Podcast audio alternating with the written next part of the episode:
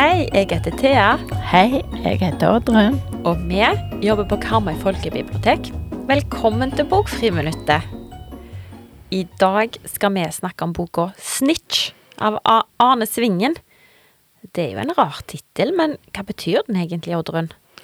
Snitch betyr å tyste eller sladre på noen, og det er det verst, verste man kan gjøre i det miljøet som beskrives i boka. Ja, hvilket miljø er det snakk om her, da?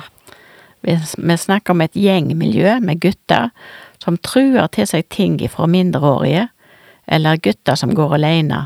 De stjeler òg ifra butikker, og slåss hvis det er nødvendig for å få det som de vil, eller for å straffe noen.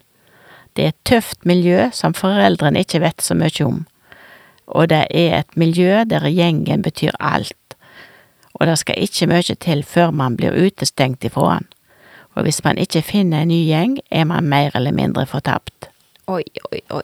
Eh, hvem er hovedpersonen i denne boka, da?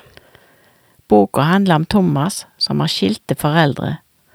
En dag blir Thomas trua til å gi fra seg jakka, mobil og det kjæreste han eier til tre gutter som er litt eldre enn han. Å snitche på det, på det er helt uaktuelt, for han vet at da vil alt bare bli verre. Men hvordan klarer han å holde dette her skjult for foreldrene? Thomas er flink til å komme med løgner som foreldrene tror på. Ja, men gjør han noe for å få tilbake disse tingene sine, da? Ja, han gjør noe veldig farlig.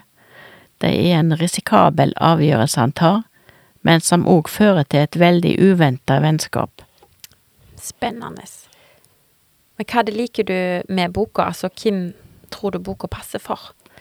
Boka er jo veldig spennende, og så var det fint å få innblikk i et miljø som jeg ikke kjenner til i det hele tatt, og jeg likte slutten veldig godt.